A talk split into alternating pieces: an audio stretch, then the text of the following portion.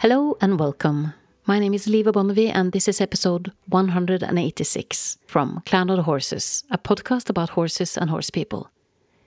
In this episode, I revisit Sue Dyson, one of the initiators Horse and Hound refer to as a top equestrian when we launched our petition campaign, New Era for Equestrian Sports, hashtag Let Horses Speak, in December 2023. Sue Dyson is a specialist in veterinary medicine and rehabilitation a surgeon specialist in equine orthopedics, and a rider. And I've come to know her as a professional who has dedicated her life to enhance the welfare of horses. And when I invited her to discuss the current state of affairs, post Operation X, and talk about where we're at and what has happened since the last time I interviewed her in November 2022, she thankfully accepted.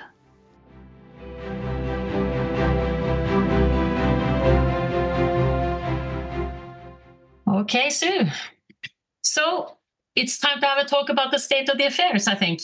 Because the last time we talked, uh, we had a um, an international petition going. Yep, that's right. Where the goal is to try to um, have some changes in the equestrian sports, and we we started to focus on dressage.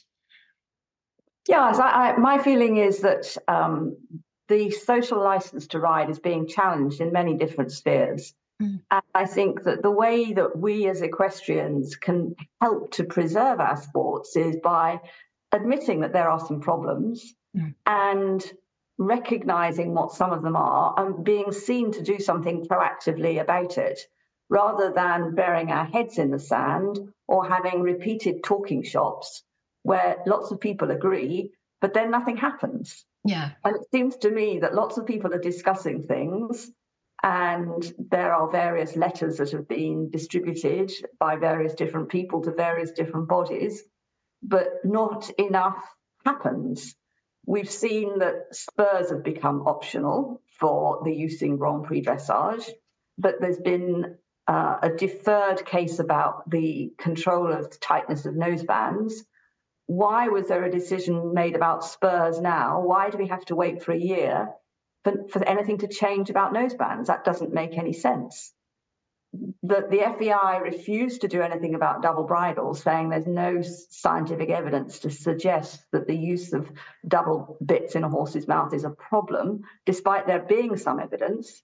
Yet they chose to make spurs optional, for which we have no scientific evidence. We know that occasionally horses have spur marks on their sides, but that doesn't equate with scientific evidence, which they're saying has to come for a change with respect to bits. So there seems to be double standards, and to me, not enough being done.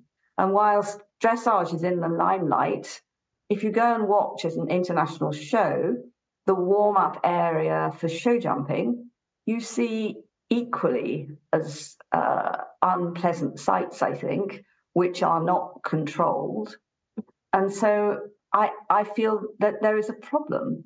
Uh, and whilst I don't really want to kind of broadcast to the world, look at the show jumping arena, uh, at the same time, we have to acknowledge that there is a problem there. Uh, everybody is against, I think almost everybody is against the practice of rollkur in the dressage warm up area. But in the show jumping warm up area, you see it plus the addition of draw, draw reins to make sure the horses fixed in that position. And then the riders warm up over the jumps with draw reins, which seems uh, unnecessary mm. to me. So I think there are so many areas that we could identify where we could be seen to be doing something better, and we need to be seen to be doing something better. And there's been some prime examples like the Helgstrand case, mm. where Denmark has really been the kind of um, the fall guy when we know these things are going on in other countries as well. But I think that is one of the the good thing about Operation X, the Secrets of the Horse Billionaire Helgstrand, is that a lot of people do recognize that. But it's it's just not one rotten apple here. It's yeah. it's uh, it's more. We talk a lot about it in Norway as being um, a system. Yeah, that's something is rotten with the system. Yeah, yeah, yeah, yeah. And how to best address it, you know, when we have, uh, yeah, when we are where we are at the moment.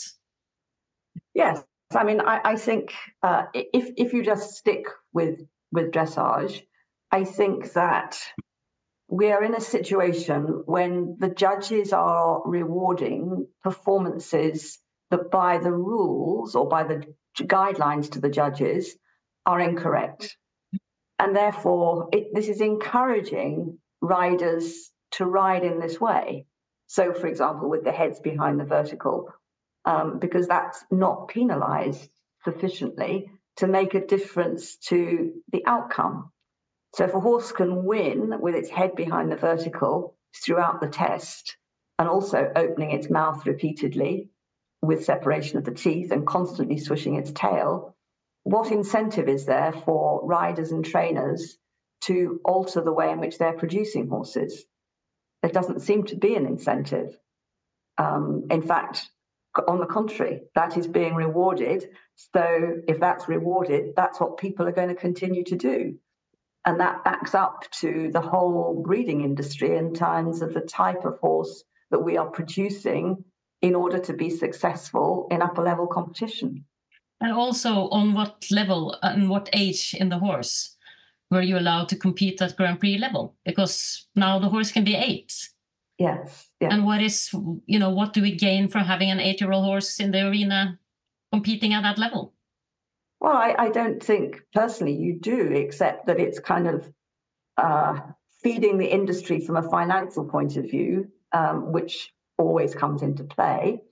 But for example, I was at a clinic given by Ingrid Klimke yesterday, and I think that she trains in a rather different way, and she encourages horses to stretch. She encourages horses to live a more normal life. And, and she says, I wouldn't expect to be doing Grand Prix movements until nine. Um, and I don't expect the horse to be going out and successfully um, winning at that level until it's more established than that. And it takes that time in order to develop the horse's musculoskeletal system to be strong enough to withstand the movements required at Grand Prix. And that you have to develop the horse's musculoskeletal system in an appropriate way. So for her, that means lots of stretching. And she does it, she, this is her mantra the horse must be stretched. It must learn to relax. Uh, you you have to eliminate tension.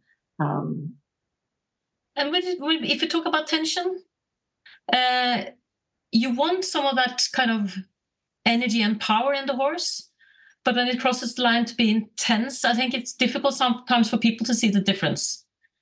Yes, between you know having the impulsion and and being really tense in the body, and uh, when you look at some of the scores that we see on international dressage today, uh, they seem to kind of not follow the rules that are actually there, but having a different interpretation. As, and like you say, with basic faults, they tend to look the other way and say, well, it doesn't really matter. I mean, it's it's okay.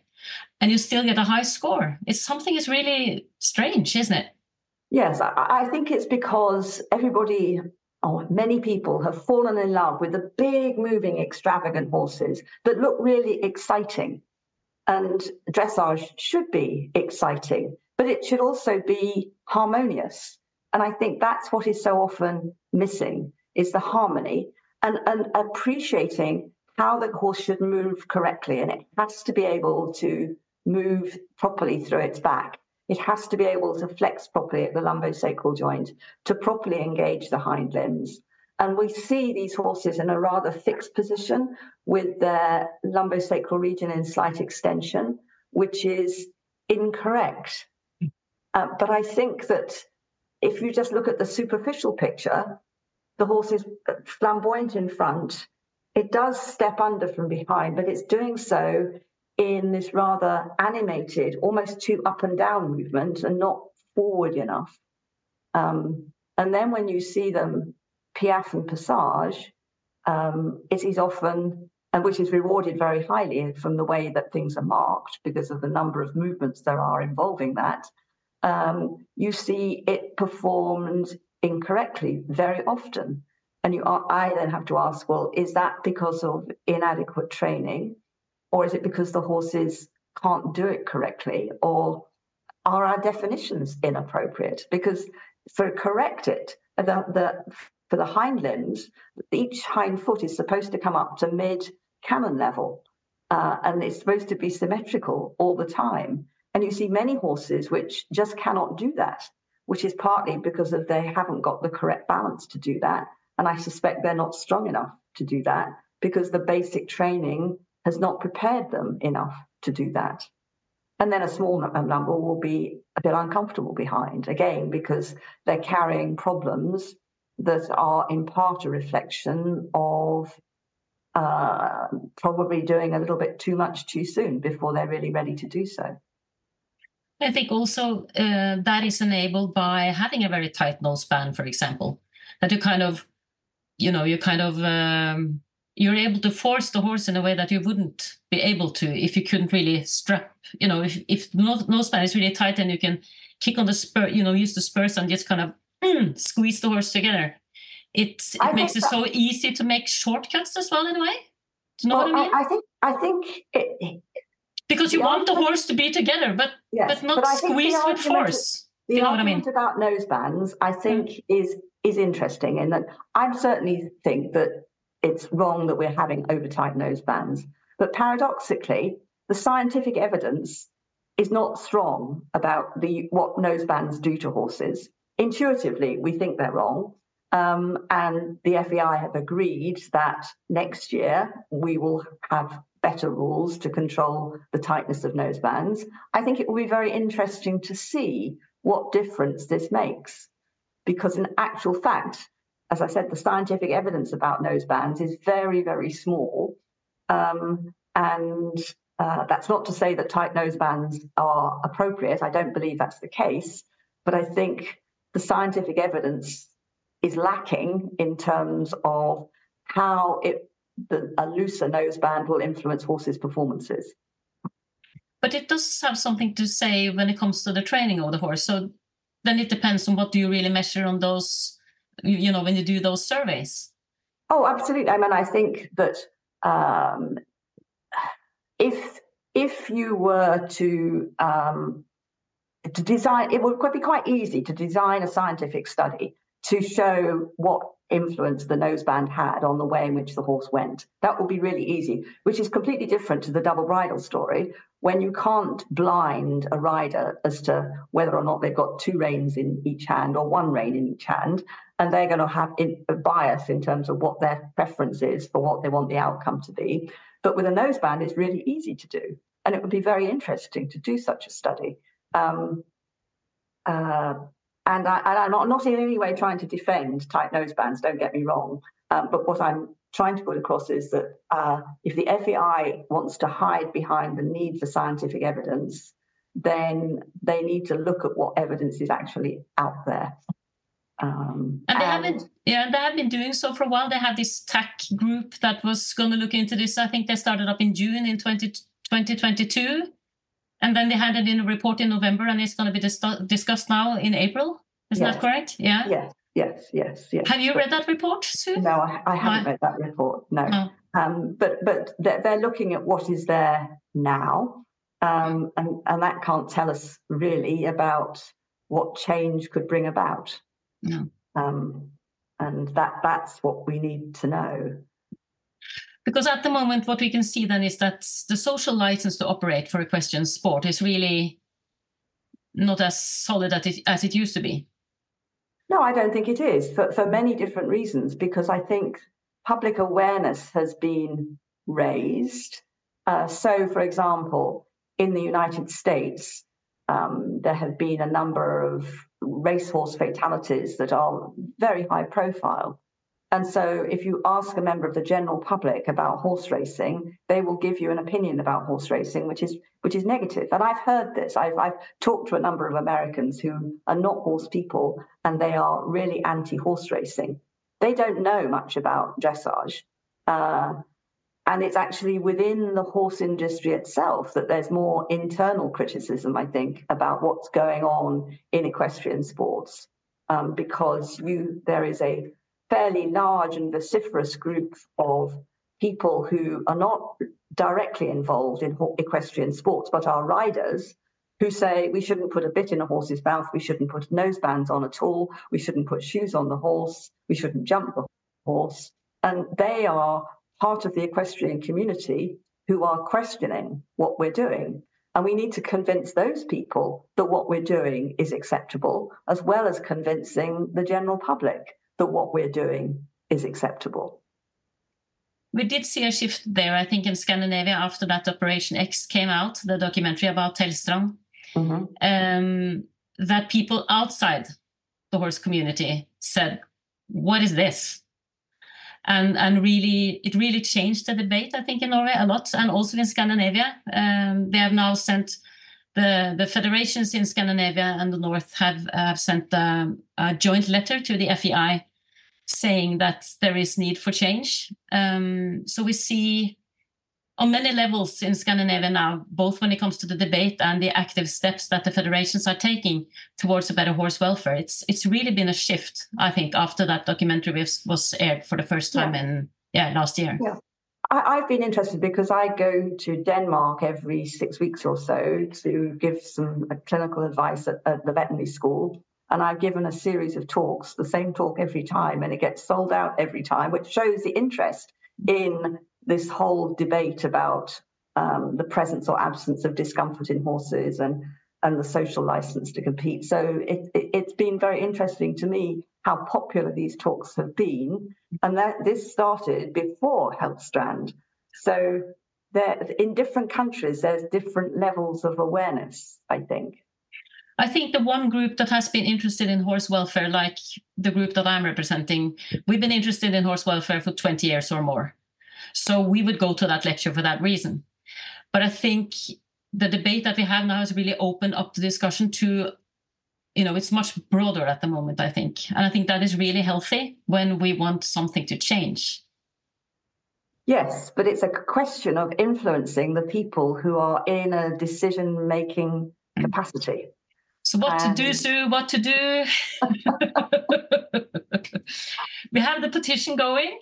And there yes. are a lot of other petitions going, and I can see you know a growing number on social media with groups that kind of say we want to change and we want to change now. And it has to do with the horse. We all agree it should be a happy athlete, it should be fit to compete, and it should be harmonious. And if we have these three elements in place, then people would be less disturbed. Absolutely, absolutely. So, how to get there? I mean, the, the British Dressage Group, British Dressage, has put out a, a horse welfare statement, which sounds brilliant. But British Dressage did not vote for change at the last FEI meeting. Uh, and uh, they have not written to the FEI, as far as I'm aware, aware to try and encourage change. Um, so it is not unanimous. And when I spoke to Ingrid Klimke yesterday, the German Federation want things to stay the same. They don't want to change the status quo uh, in terms of dressage. And so you've got different groups having different attitudes. And so we have to persuade more federations to be in favor of change. And we have to encourage the people at the top of the FEI that there is a need to change. Because unless we see change coming down from the top, I don't see how we can institute change. But what I always use as an example is that things can change in that before London 212, people wore top hats for dressage. And then Charlotte Dujardin wore a crash hat, completely unconventional. And since then, everybody wears a crash hat. So that was an enormous step which showed to me that change can happen. Yeah, yeah for sure. Have some top riders who are talking about change, that that can itself be influential in trickling down. But whilst um, the wrong ways of producing horses are still rewarded at competition, it can't really influence the industry because the industry is such a huge industry. If you think about the number of horses that are bred in continental Europe, in Germany, in Holland in particular, these are enormous, really influential enterprises with involving a huge amount of money. So for them to be able to produce horses for young horse sales and for young horse competition classes as a showcase for sales of those horses, that is having an enormous influence. And we are encouraging the production of the type of horse that is only suitable for top level professional riders to ride. And they are hot individuals, a lot of them, and need to be ridden with lots of tact and diplomacy. And they need time, in my view, to be produced in a correct as way as possible without taking shortcuts. And the shortcuts are often a dominant rider using dominant methods, which result in tension and which results in incorrect movement, which to me isn't right. So we talked about I talked about some of, with some of my friends over here about the need of um, the industry being more transparent. Uh, in Gothenburg uh, horse show, they had uh, cameras in the warm up arena with a live stream. Mm-hmm. So that means that at any given point, uh, the cameras would be there during the warm up. And that was I haven't seen the seen it myself because I was too busy with work for a while.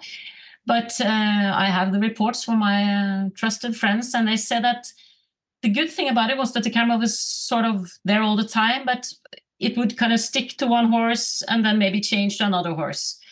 And we were kind of looking at uh, a live stream where you don't have, have what we uh, used to call Gothenburg corners.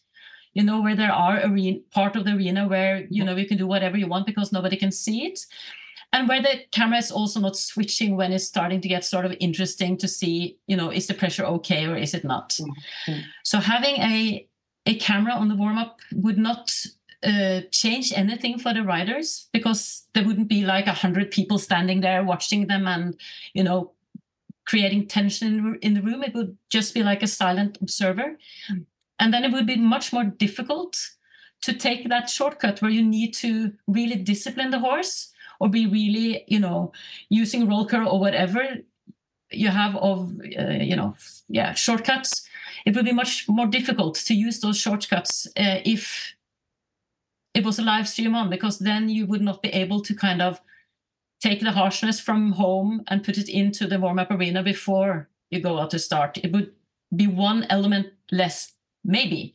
Maybe because maybe. I mean, because my my I call me call me um, naive, but I still think that if you train a horse properly and and give the horse the time it needs, then you know warm up or whatever should not be a problem to show people because it will be a balanced, happy uh, athlete that is fit to compete.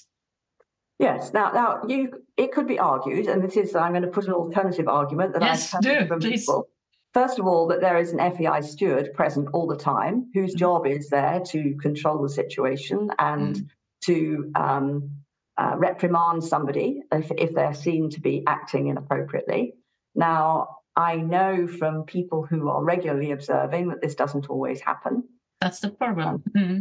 And also, the riders will say that, and I'm not sure this is a good argument, but the riders do say, well, this is a very high tension environment. And you cannot expect a horse to come into this high tension environment and be a relaxed athlete.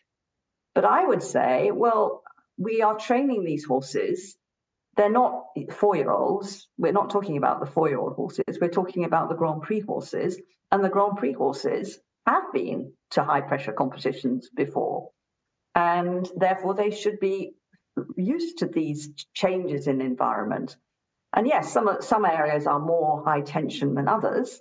Um, so I was at Jumping Amsterdam a few weeks ago, and the warm up area is in surrounded by the trade exhibition, and uh, there's a very narrow entrance into the main arena. And when you're in the main arena, the, the audience is right down, uh, right at, at, the level of the arena. Um, but if a horse has been appropriately trained, I think that the riders in the ideal world should be able to produce those their horses to cope with this unless they are producing horses which temperamentally are unsuited to be ridden in that environment. And then there's this balance between this lovely animated um, performance versus a calmer performance. And when is uh, an animation is rewarded, but when is animation correct versus reflecting excessive tension? Mm. And that's a, a difficult judgment. Um, it is. So, where do we go from here? In order to get that change that I think is sorely needed to uh, if if it, if it is a goal, an overall goal to you know keep equestrian sports and the social license to operate is growing thinner. What would be the the next good step to take? You think for the FEI and for the rest of us? I would like the FEI to be more open to change and perhaps have part of a day or a whole day in which we showed some video footage of horses and stewards commented on what they saw. Some experts commented on what they saw. Some judges commented on what they saw. And then we had a well uh, chaired debate about what is actually happening and how, what problems we're seeing there and how could we address those problems because I think it's no good just having a talking shop when we talk in principles. We need to be looking at specific examples. And we're not trying to pull out any particular individual riders, I don't think. Um, for example, uh, Lottie Fry has had a lot of bad press recently because she won at Jumping Amsterdam and everybody was critical about the way the horse went. Uh, but she was riding to get the marks that were rewarded. So I don't think it's fair to criticize Lottie Fry per se. And I think that's what we have to take out the personalities from this and say, what are the principles of training? Uh, and are those principles being adhered to? And are we rewarding horses produced correctly? And let's see some examples of what's good and what's not so good and compare them and discuss them openly and transparently. Thank you ever so much for this talk, Sue. It's going to be interesting to see how this uh, unfolds, I think. Yes, I, I, have no idea what's going to happen. Uh, no. But I think we need... Change is needed. Yes. That is really clear, I think. And um, and uh, I just, I think two days ago I read, uh, I think it was on Science Direct, where it, where it says one of the conclusions was urgent need to address animal welfare and enhance solution in dressage sport. And then they had looked at ridden elite dressage horses between warm up and competition. Uh, and I, for some reason, I a picture that comes to mind is um, it was I think it was a British documentary called uh, Pedigree Dogs Exposed. It it's been a few years since it aired the first time. And what I remember very clearly from that documentary is that moment where you had that small dog with a lot of fluffy fur and and all the people standing around. He was best in show or or best in his breed or whatever. And they had to put him on this, you know, when you go camping and you want to keep the food cold. Yes. This element that was, you know, icy element. And he had to sit on that because if it didn't, he got overheated. And what I remember was, you know, the, the, the people standing going, wow, you know, he's just, oh, brilliant, perfect, beautiful. I'm thinking, sometimes I think that's the problem in the horse industry. That when you are really sucked into it and you've seen it a lot, then that starts to become normal. Absolutely. I mean, we've normalized so, yeah. so much within the and, and with you know within with with conflict behavior with horses, I remember really good when Hel- uh, rode Blue Hors Matine in the World Equestrian Game in games in 2006, her tail was going like this. And I counted the, t- the amount of time where the tail was moving like this, and it's 300 times during that, yeah. you know, yeah. program. Yes. Yeah, yeah. And I'm thinking, and that's one of the reasons why I think Operation X is interesting because I, I think that all the horses in the international dressage arena, they're all telling us a story. And sometimes it can be the story of the day. So when Lottie Fry rode Everdale, um, maybe they had a bad day because I've seen them doing very well also. But it, it is really important, I think, that the judges judge what they see in the moment and not what they saw two years ago with the same horse or the same rider. Absolutely. I mean, I, I watched at a different level. I watched 1,100 dressage tests at, eventing level, uh, low level British eventing. And I can remember one day when the judge got out of the car and she said to me, Sue, wasn't that a wonderful test? The head was in front of the vertical all the time. And I thought to myself, that's not what I've just seen.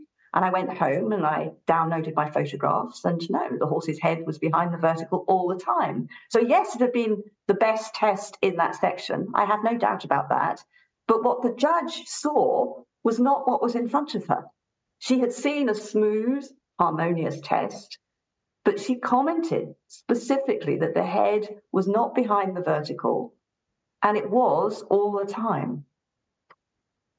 This now, is, we, mm. we, we, we, we shouldn't just be beating up Jeff dressage judges. They've got a lot, lot, a lot to look at, I think. yes, for Um, sure. So we need to help them. And maybe we need to have a different judge at Grand Prix level, a judge that is specifically looking at harmony Yeah. and using specific criteria to judge harmony. So the absence of tail swishing, the absence of mouth opening, for example.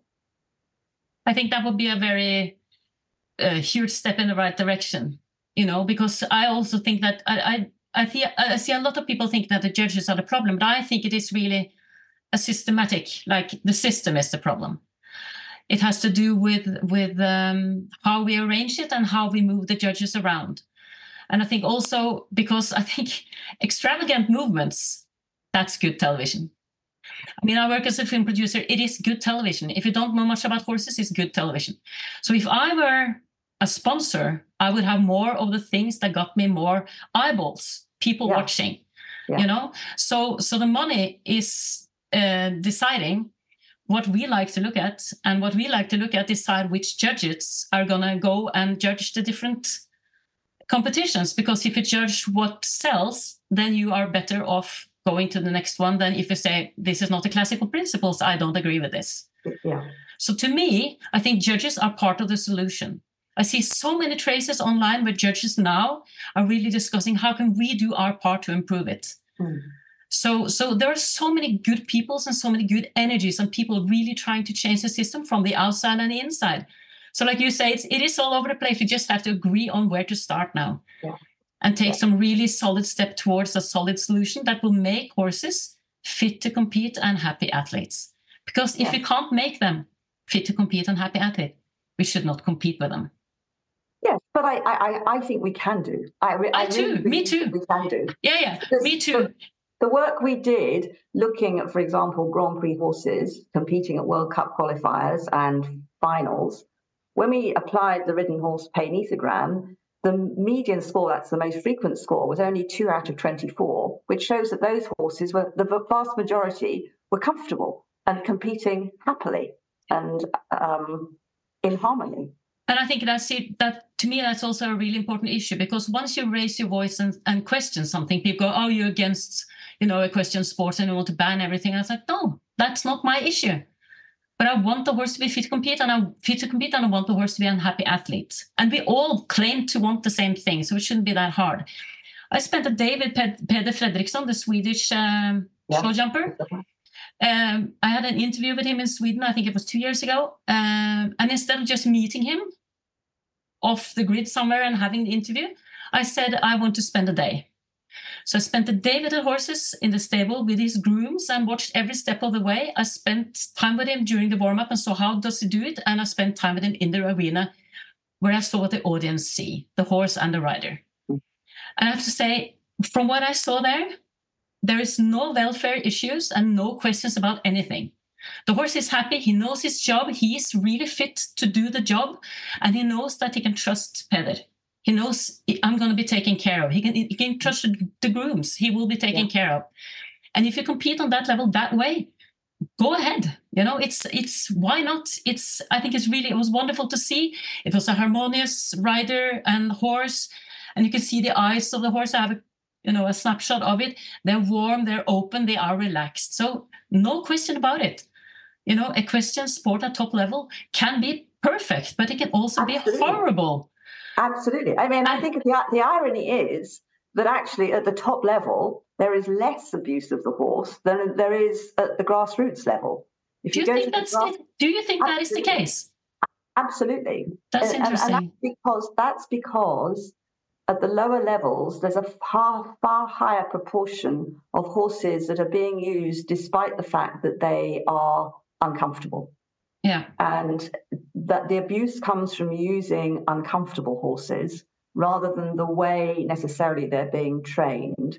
Whereas at the upper levels, we're seeing a much sounder group of horses, but they are, in some instances, being trained inappropriately, which is resulting in things that we would rather not see.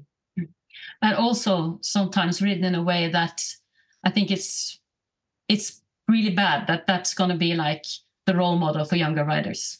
Oh, absolutely, absolutely. And we also have to ask what is the wastage rate of horses that are produced from a young age in terms of we're breeding thousands of horses.